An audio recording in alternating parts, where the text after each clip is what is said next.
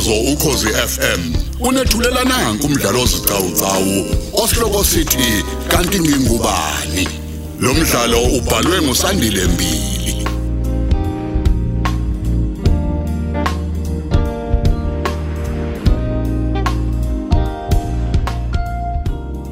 Kamela eseshumnane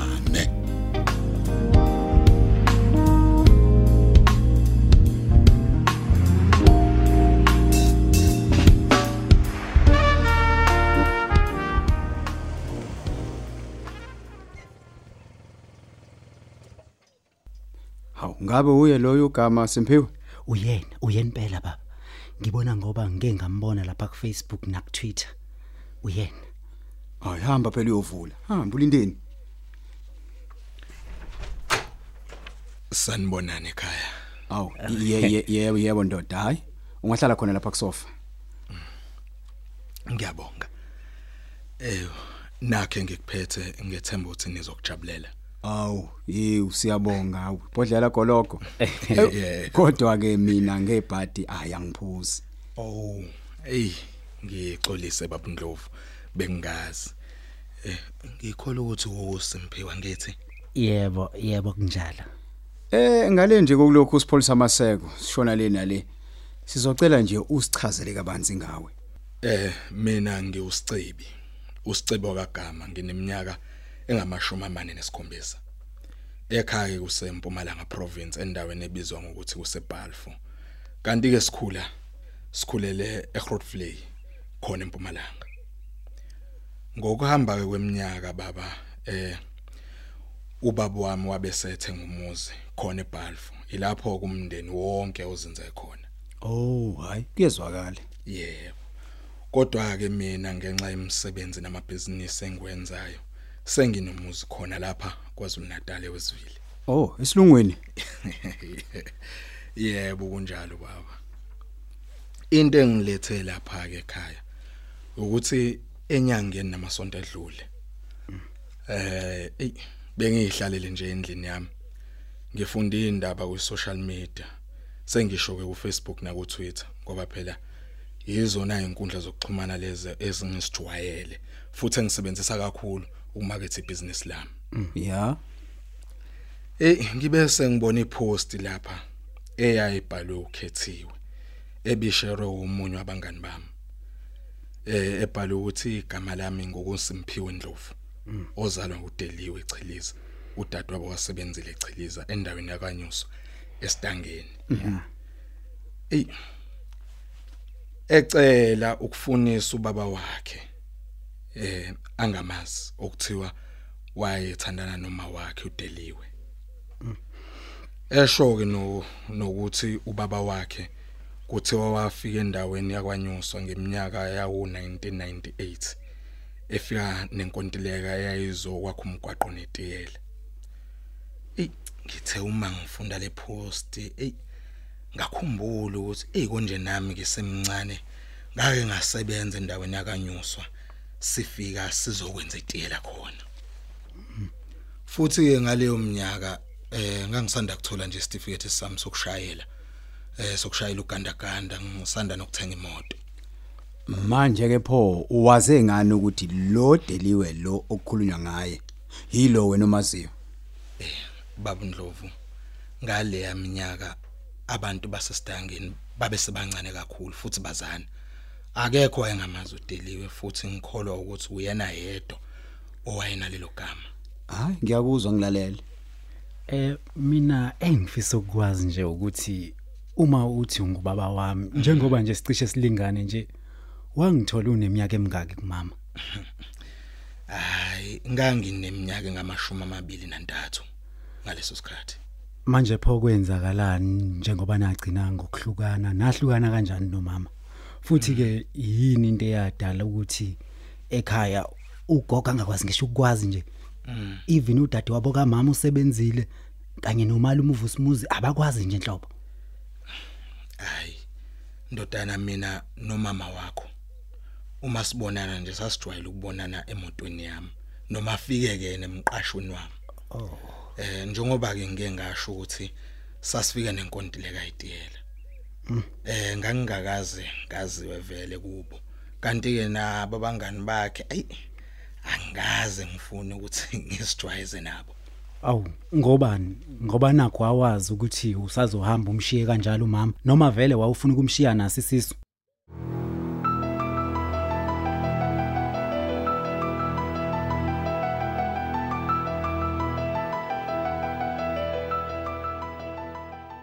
Hayi kahle phela simphiwe mfana. Eh sasabancane kwakungakabe khona ukucabanga ngekusasa ngaleso sikhathi.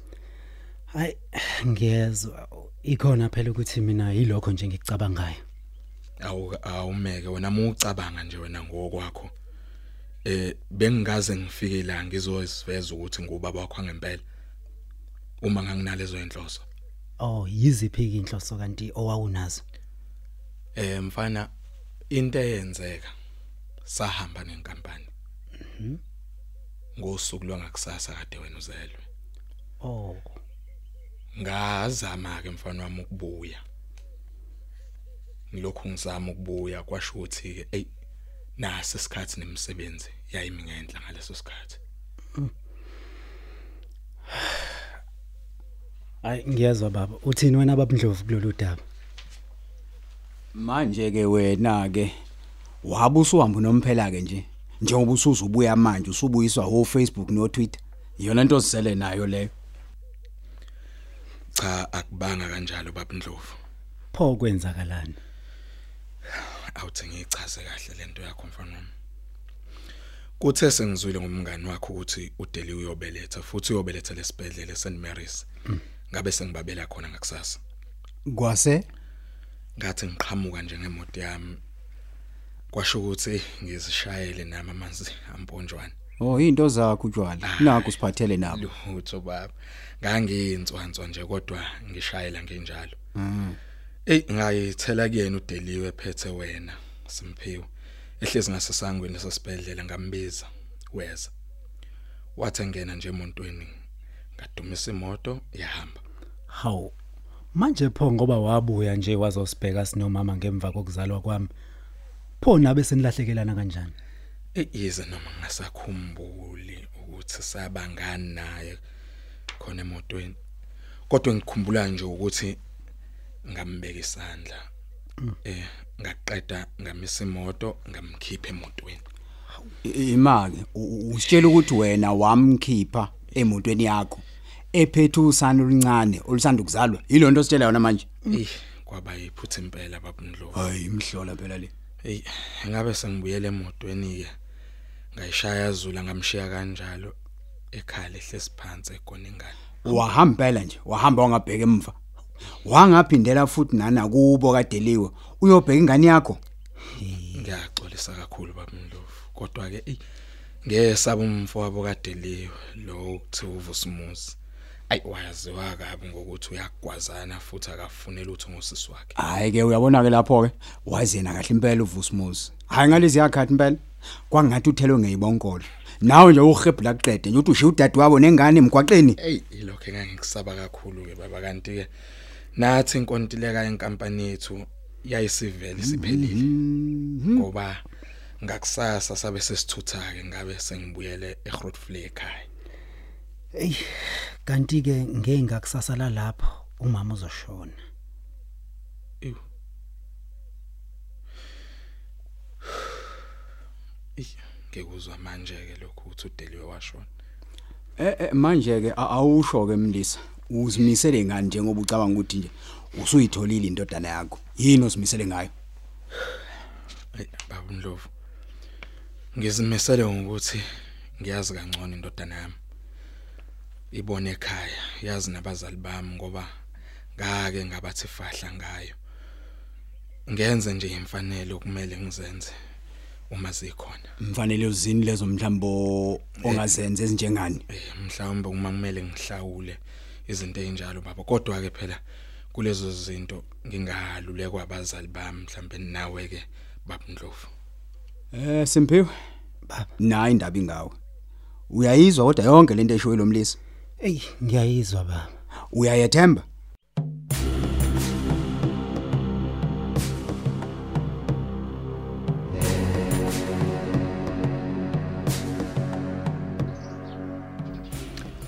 Oh madoda.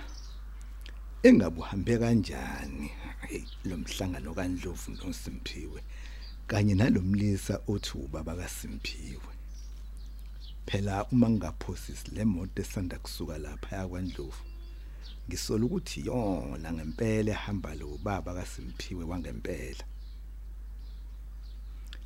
Yazi sengihalela ukuyizwa le ndaba. Yo ukube ngomunye umuntu impela ngabe sengiyakhona kuyimanje njengoba le moto isanda kusuka ke ngiyoyizwela kahle ngingatshelwa umuntu. Hey futhi a a ayingeke yabona lento esengisho hayi ngeke. Ngiyabona sengingenwa usathane ke manje. Ngena usathane uqobo lwakhe. Phela sekukuthanda indaba zabantu phela lokho cha angiqhubeke nje. Nalokho bengikwenza ngilungiselela inkonzo yakusasa ngikhohlwe izinto eziningi undlovu yena uyofika la azongibikela ngalogama wakhona njengoba ake wafika nasekuqaleni esanda kutholakala logama ngeinkundla zokuxhumana.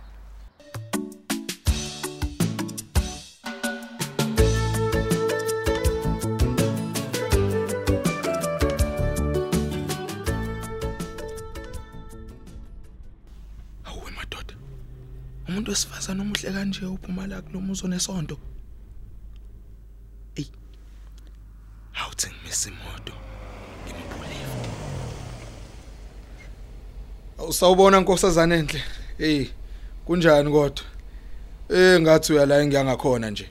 hayi cha kanti lutho ke ibhuti angiyila oya ngakhona Awu uyapi ngifisa ukupha lift. ngiya ewaterfall Ah kungakephi ke lapho? Ey ngiyaqala nokufika kule ndawo. Ngiyangala Hillcrest mina. hawu ukhohlwa ke ibhuti ngikho lokuthi wena uzophuma ubheke ngala ka right yabona nje basilana nje esitolo lethafeni mina ngizophuma ngehle ngo left Awu kodwa ngikholwa ukuthi indlela ziyadibana phambili. Awu ungena phela ngikhambise. hayi kulungile vele ke hayi ziyadibana indlela phambili Oh ey esengikhohlwe ukuzazisa nkosazana. Mina ke ngusicebi, usicebi wakagame wesivile. oh hayi ngiyajabula ukwazi isicibi mina nguzonke Oh manje la uphuma khona yikini noma usonta khona? hayi cha akusikhona ekhaya futhi angisonti khona kodwa ngiqashe khona kunezindlu zemqasho ngemuva Oh cha hayi, ngiyakuzwa ke. Ha uyazi nkosazana ngithe uma ngikubuka nje. Eh kwase kubhakuza inhliziyo yashaya ngamandla. Eyasho ukuphuma ngomlomo. Engasho ngathi uma ngingayitsheli le ntokazi indlela engizizwa ngayo, hayi impela hayi, ngeke ngiphinde ngilithole lona usuku. hayi kahleni bo hayi hayi hlekisa sicibi Ah ngempela yazi. Ngithe uma ngikubuka nje eh kwavutha uthando kumina zonke. hey bo hey yakuyenziwa phi ke lento yenzayo sicibi ukuthi ungasuke nje uthanda umuntu uqala ngqa nokumbona hayi bo kahle wena Ah nakho ke kwenzekile nje. hayi cha cha cha mm, mm, ngiyaphika ngeke wena nje buyo usayophinde nje ungibone ngelinye ilanga mhlazana u- uya lapha kwaNdlovu Kodwa ke nakho phela ngithe ngisebenzise nali ithuba lokuqala ngitholayo.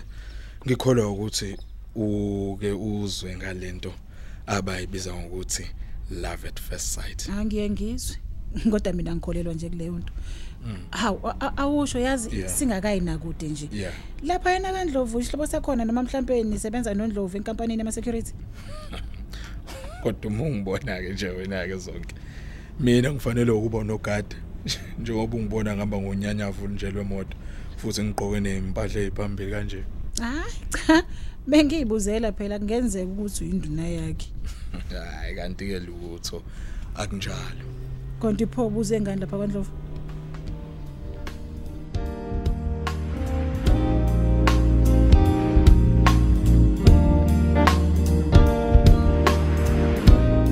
Asisibambe lapha isiqephu sethu sanamhlanje esithi kanti ngingubani? Osithulelwa ukhozi FM